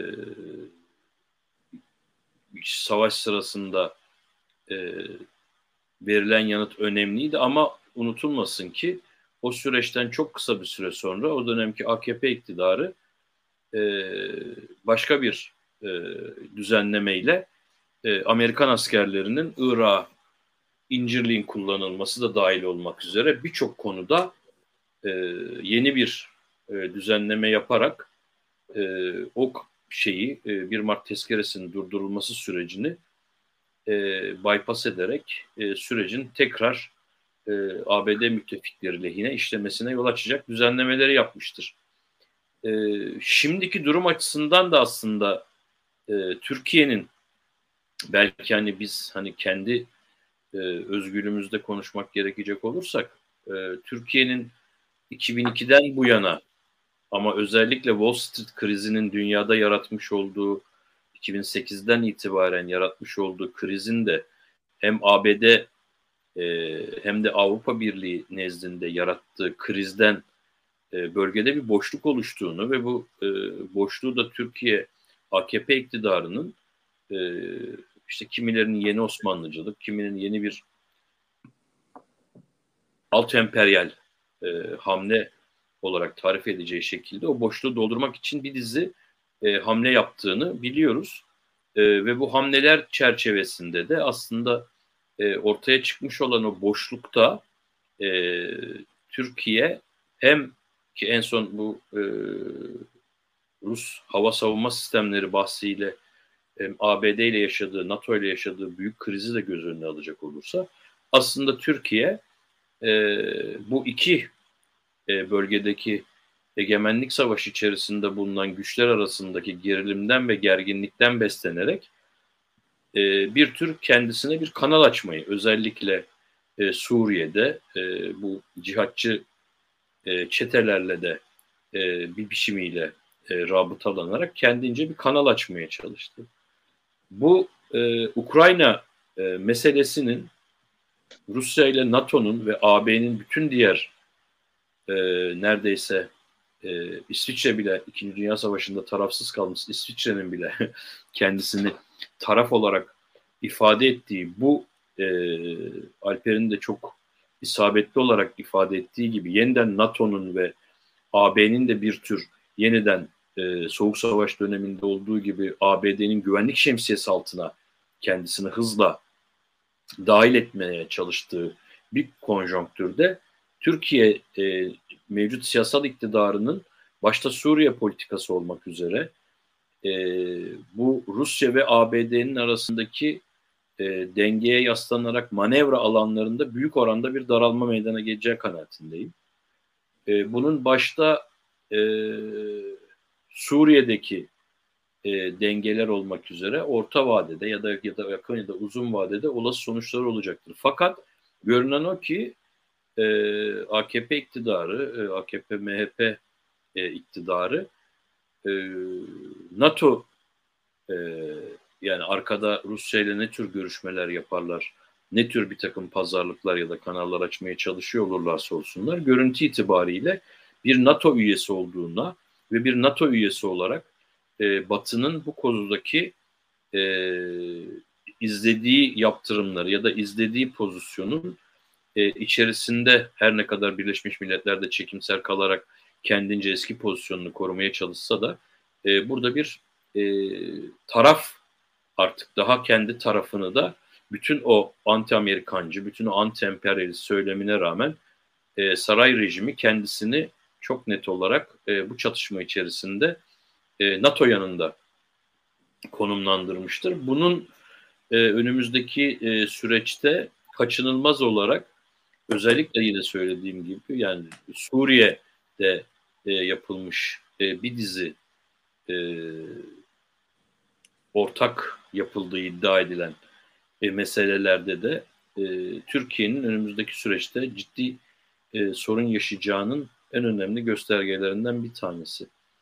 Bunun e, Türkiye'nin tabii iç meselesinde başta Kürt meselesi olmak üzere ya da e, bir dizi olası e, yeni sonuçları olacaktır diye tahmin ediyorum. Yani tabii ki bunun e, sonuçlarını belki önümüzdeki süreçlerde daha ayrıntılı tartışma fırsatı olabilir bu çatışmaların. Ama öbür yandan da zaten pandemiden bu yana e, Türkiye açısından ekonomik krizin, küresel kriz ve diğer e, meselelerle beraber yoğunlaşmasıyla birlikte e,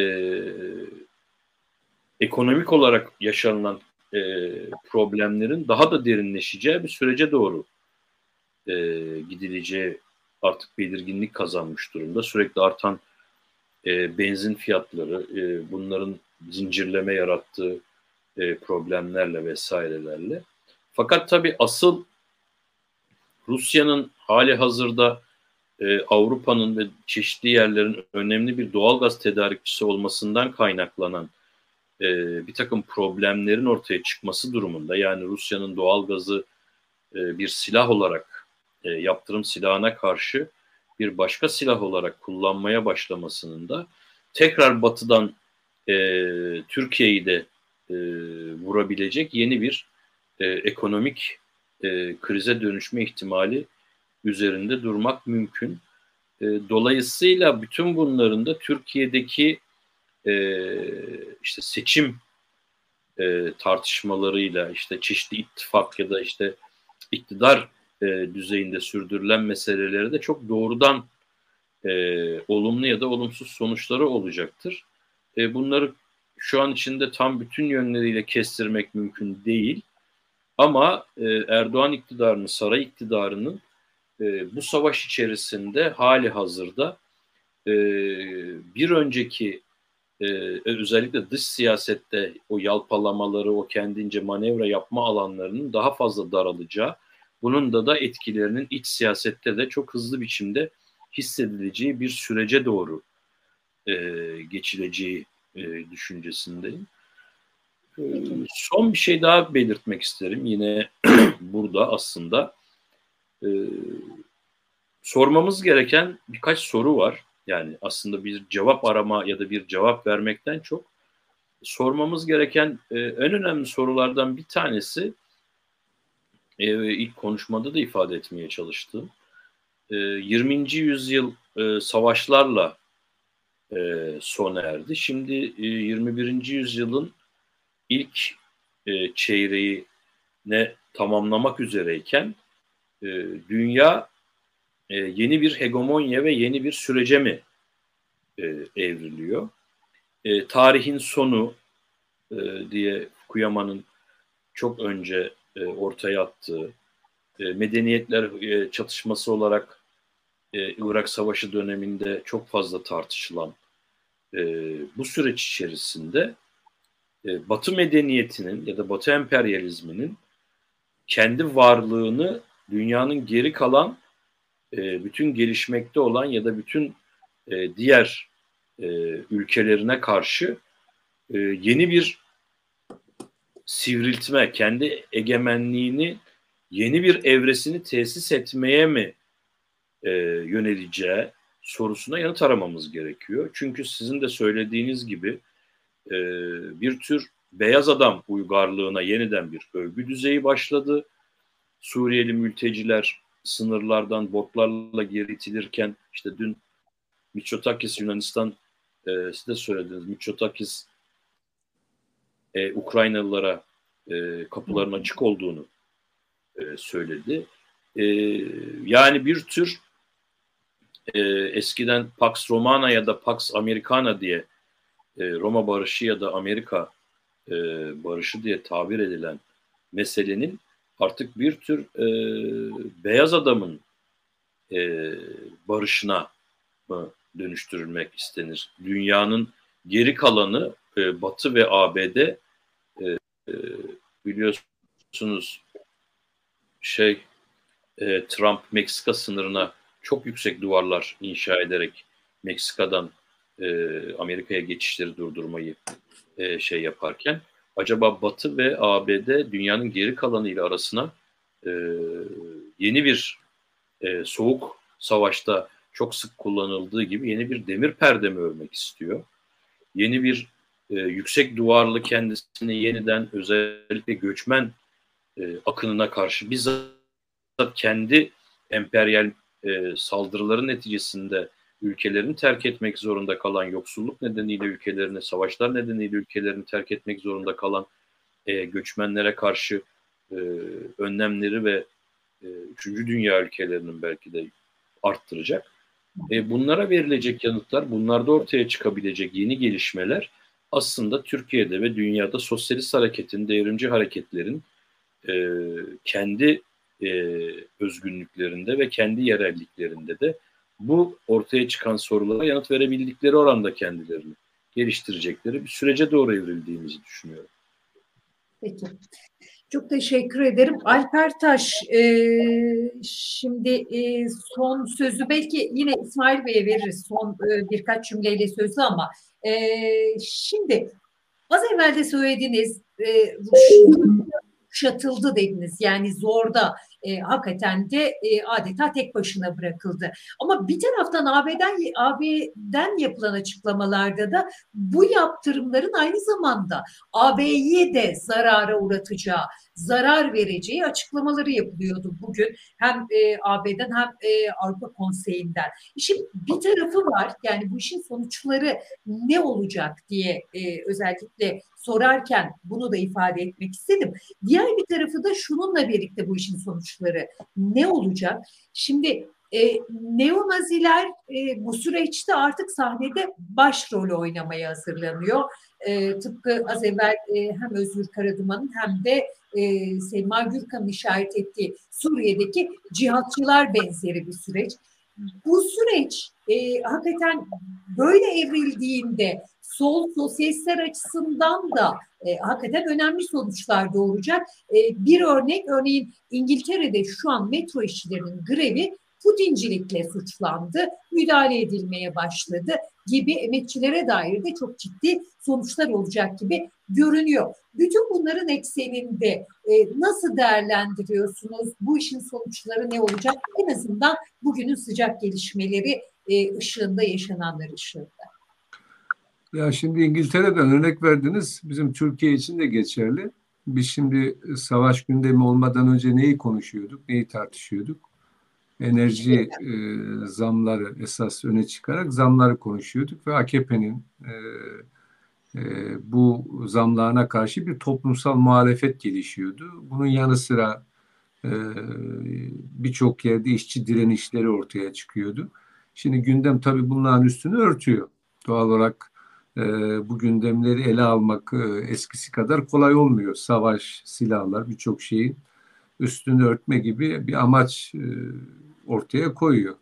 E, bunu görmek mümkün e, ve yaşıyoruz zaten. Görmenin ötesinde yaşıyoruz. Şimdi burada tabii en önemli problemimiz şu.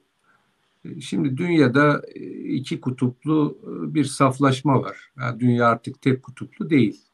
Yani ABD eksenli bir dünya artık çöküyor. Başka bir kutup orada gelişiyor. Çin eksenli, Avrasyacı bir kutup ve Atlantikçi kutup. Şimdi bunların ikisinin de özü biçimde farklılıklar olmakla birlikte öz de aynı.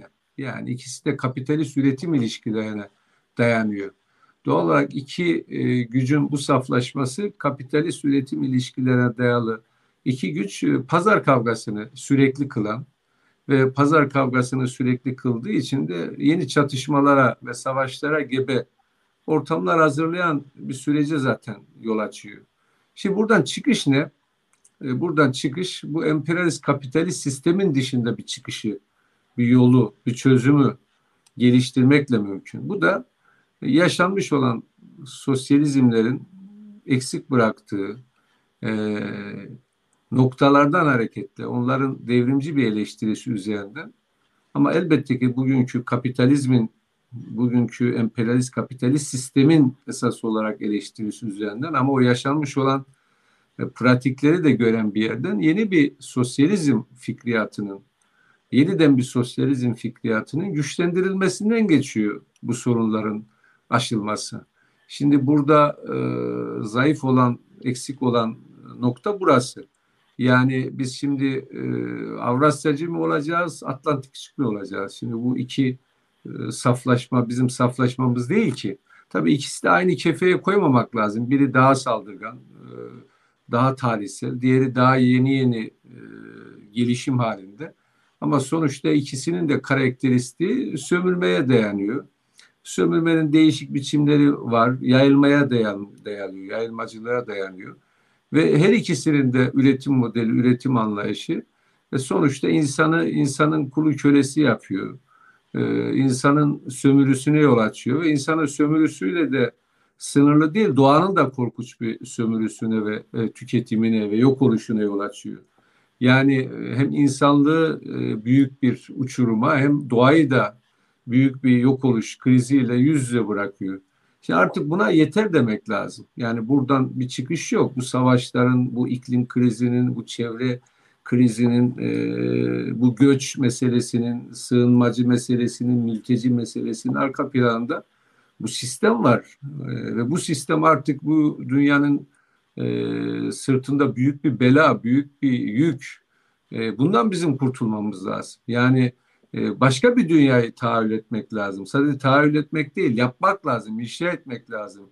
Küçük demeden, büyük demeden e, buna ilişkin bir dünyayı artık yavaş yavaş cesurca e, ve buna ilişkin hayatlarımızı, buna ilişkin enerjimizi geliştirerek, güçlendirerek, birleştirerek sosyalizmi yeniden bir seçenek olarak ortaya koymamız gerekiyor. Bu konularda ülkeyiz, bu konuda zayıfız, bu konuda attığımız adımlar yeterli değil. E, tabii bu sosyalizm dalgası da öyle kolay kolay olmayacak. Bunu görüyoruz. Yani bizim bir dönem yaptığımız tartışma süreci e, 90'lı yıllarda çok anlamlı ve önemli bir e, siyasi sürece tekabül ediyordu. E, orada ideolojik meseleler, ön anahtar meseleler demiştik. Hala da ideolojik meseleler ön anahtar mesele olmaya e, devam ediyor ama e, ön anahtar meseleyi aça, açabilme, aşabilme daha doğrusu zeminlerin de çok olgunlaştığı bir dönemden geçiyoruz. Yani o dönem biz e, yenilmiş olan bir sosyalizm pratiğinin bütün bedellerini ödüyorduk. Yani insanlara sosyalizm dediğimizde vay arkaikler var, yok çağ dışıcılar, yok sefiller, yok e, baksana bunların fikri alay haline e, dönüştürülüyorduk. Ama şimdi öyle değil. Şimdi kapitalizm sorgulanıyor. Kapitalizmin insanlığa hiçbir şey sunamadığı, veremediği e, söyleniyor. İnsanlık bir arayış içerisinde, bir çıkış içerisinde doğal olarak sosyalizmi yeniden e, bir ideolojik seçenek e, olarak ortaya koyabilmenin koşulları bizim lehimize daha pozitif e, bir süreç bizim lehimize bu manada. E şimdi bunu değerlendirmek gerekiyor. E bu konuda e, bir takım çıkışlar oluyor ama yeterli çıkışlar olmuyor. Başarısızlığa uğruyor. E, sosyalist e, demesek bile sosyalizan hareketler. Mesela örneğin en basiti bizim işte bu yanı başımızda Yunanistan'da bir Siriza pratiği bile e, Avrupa'daki e, durumu ne kadar değiştirdi? Yani Siriza'nın başarısızlığı Avrupa'da nasıl bir demoralizasyon yarattı? E, Latin Amerika'da, Güney Amerika'da oralarda inişli çıkışlı pratikler var. E, bizim Türkiye'de tamam AKP'den kurtulmamız lazım. AKP'yi elbette yenmek lazım. Siyasal İslamcı bu rejimi yenmek bir baş çelişki. Bu baş çelişki ve güncel aktüel görevi unutmayalım. Bunu ihmal etmeyelim, bunu ötelemeyelim. Bunu küçümsemeyelim ama tarihsel e, meselemizi, sosyalizmi yeniden tartıştırmamız, gündemleştirmemiz, güncelleştirmemiz gerektiği de ortada. İnsanlık ancak e, bu kapışmadan yeni bir sosyalizm dalgasıyla e, kurtulabilir. E, buralara cesaretle yürümek gerektiğini düşünüyorum ve burada bizim çabamızın yeterli olmadığı e, ortada. Bu çabaları güçlendirmek, kuvvetlendirmek e, gerekiyor. Yani bugünkü krizden çıkışın e, esas noktası odur. Yani Özgür'ün dediği gibi yani sorduğu soru evet yeni bir hegemonya süreci var bu hegemonya süreci işte 21. yüzyıla Çin mi hükmedecek yoksa yine ABD hükümdarlığına devam edecek mi? E, burada tablo bu. İşte Avrasya hattının güçlendiği söyleniyor. İşte o Avrasya, güçlenen Avrasya hattına karşı da e, Atlantik çat hamleler yapıyor. Türkiye egemen sınıfları da burada bölünüyor. Bütün e, ulusal düzeydeki siyasetler de bölünüyor zaten ister istemez. E doğal olarak biz de Türkiye'de şunun saflaşmasının parçası mı olacak olacağız? Atlantikçi miyiz, Avrasyacı mıyız? E, Türkiye siyasetinde var. Atlantikçiler var, Avrasyacılar da var. İşte bizim bu e, Ukrayna meselesindeki bu, bu iki çizgi zaten kendisini ortaya koyuyor. Biz sosyalistler hem işgali reddediyoruz hem de NATO'yu e, sorguluyoruz. NATO'nun dağıtılmasını istiyoruz. NATO'nun yayılmacılığını eleştiriyoruz. Ama aynı zamanda Rusya'nın yayılmacı siyasetini, arka planını e, tartışıyoruz, eleştiriyoruz, işgali reddediyoruz. Ukrayna'nın, Zelenski'nin izlediği politikayı da eleştiriyoruz. Oradaki milliyetçiliği de eleştiriyoruz. Yani Ukrayna şimdi İsmail arkadaş orada e, tabii daha iyi gözlemliyor bizden. Ya şimdi aslında Ukrayna'nın elinde büyük bir imkan da var. Büyük de bir şans var. Büyük de bir fırsat var. Öyle söyleyeyim. Nedir bu fırsat? Ya Ukrayna aslında o kadar e, önemli bir yerde ki Ukrayna aslında Doğu ile Batı'nın bir köprüsü olabilir. E, Doğu ile Batı arasında büyük bir barış e, ülkesi olabilir. E, çok önemli bir e, tarihsel, stratejik bir konum, pozisyon kendisine elde edebilir. Yani e, tarafsızlıkla ve her iki taraftan da şey güvencesi alarak e, yani e, güvence alarak daha doğrusu e, gelecek güvencesi alarak e, çok önemli bir ülke haline gelebilir. Ama Zelenski iktidarı ne yapmak istiyor? Bunu da görüyoruz. Tabii bütün bunları yapıyor. Rusya'nın işgalini meşru göstermiyor, haklı göstermiyor. Ama sonuç itibariyle Zelenski, e, Zelenski iktidarı da bir tür e, Ukrayna'yı e, Rusya'ya karşı bir savaş üssü haline dönüştürmek istiyor.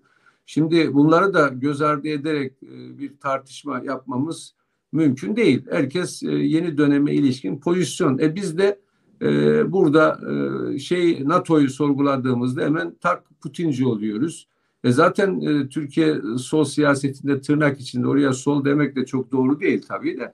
Zaten Putinciler var. Zaten onun aktörleri var zaten. Onlar zaten e, Rusya'nın e, yaptığı işin son derece doğru olduğunu söylüyorlar ama bunu Rusya'dan dolayı söylemiyorlar. Çinci oldukları için söylüyorlar. Yani eskiden beri Çinci oldukları için zaten bunu söylüyorlar. Çin eksenli bir siyasetin taşıyıcısı oldukları için e, bunu söylüyorlar. E, doğal olarak bizim e, bağımsız bir sosyalist seçeneği bu iki kutbun dışında, bu iki egemen e, sınıf siyasetinin dışında ve oluşturmamız gerekiyor. Gerekiyor yani bu artık bunu nasıl yapacağımız, nereden başlayacağız, nereden başlayacağımız sorusu. Evet yani esas soru bu. Peki bunu da bir başka programda konuşacağız artık. Çok teşekkür ederim. Ee, İsmail Bey e, son birkaç cümleyle sözü size bırakalım. Sizinle kapatalım. Ee, ne söyleyeceksiniz? Artık ben soru sormayacağım. Direkt sözü size bıraktım. Hmm. Ya birkaç cümleyle ben ne söyleyebilirim bilmiyorum ama yani burada hakikaten bir şey, çıkmazın içerisine girmiş durumda burası. Ne olacağı belli değil. Ee, yani hakikaten e, burası bir açmazın, çıkmazın işte emperyalist güçlerin, e, Rus hegemonyacıların, e, buradaki oligarkların e, aralarındaki paylaşım savaşı e, buradaki e, yoksul, emekçi e, çalışan halkı e, çok gerçekten derin bir şeyin içerisine itmiş durumda. İnsanlar şu anda çalışamıyorlar. 60 milyonluk nüfus inmiş 40 milyona. E, herkes e, kaçıyor, batıya kaçıyor. Bu kadar zengin bir e, coğrafya, inanılmaz burası e, e, şeyin tahıl ambarı, e, yeraltı zengin, Türkiye kadar neredeyse toprağı var. Bu kadar zengin, bu kadar güzel bir ülke. Yazık etti, yazık oldu. Gerçekten e, kötü bir şey. Umarım iyi günler iyi olacak diyelim. Her şeye rağmen ben savaşın ilk gününde insanların sokakta güldüklerini gördüm. Burası hala buna rağmen insanlar sokakta gülebiliyor. Umarım bu şey yeniden bu gülücüklere, bu şeylere yeniden insanlar kavuşur diye düşünüyorum. Çok teşekkürler. Pardon. Efendim? Ha pardon ben e, konuklarımızdan biri size bir sorumu sordu diye e, yandırdım. E, çok teşekkürler İsmail Bey. Kendinize de dikkat edin ayrıca lütfen. E, Teşekkür ederim. Çok teşekkürler yayınımıza katıldığınız için. Çok teşekkürler Özgür Karaduman, Mukavemet Yayın Kurulu'dan e, ve Alper Taş Sol Parti, Parti Meclis Üyesi. Çok teşekkür ederiz. Biz teşekkür ederiz. Için. Ee, evet, Teşekkür ederiz. İyi akşamlar. E, Ukrayna'daki son e, gelişmeler ışığında aslında e, sol sosyalistlerin bu süreci nasıl gördüğünü konuştuk. Bir taraftan sıcak gelişmeleri e, İsmail Davede bize e, aslında Ukrayna'daki sıcak durumu aktardı. Hakikaten de e, çok kritik sözlerle ifade etti. Belki de en e, anlaşılır, en e, doğru ifadeler yani anlaşılabilir olması anlamıyla oradaki sıcak durumu İsmail Bey'in ifadeleriydi. O karanlık ortamdan bize bağlanmasıydı. Evet e, gelişmeler devam ediyor. Mukavemet TV'de bu gelişmeleri takip edin lütfen. E, her gün bu gelişmeleri sizlere taşımaya çalışacak arkadaşlar. Bu haftalık bu kadar. E, çok teşekkür ederiz bizimle birlikte olduğunuz için. İyi akşamlar diliyoruz. Barışla kalın. E, önümüzdeki hafta yeniden görüşmek üzere. thank you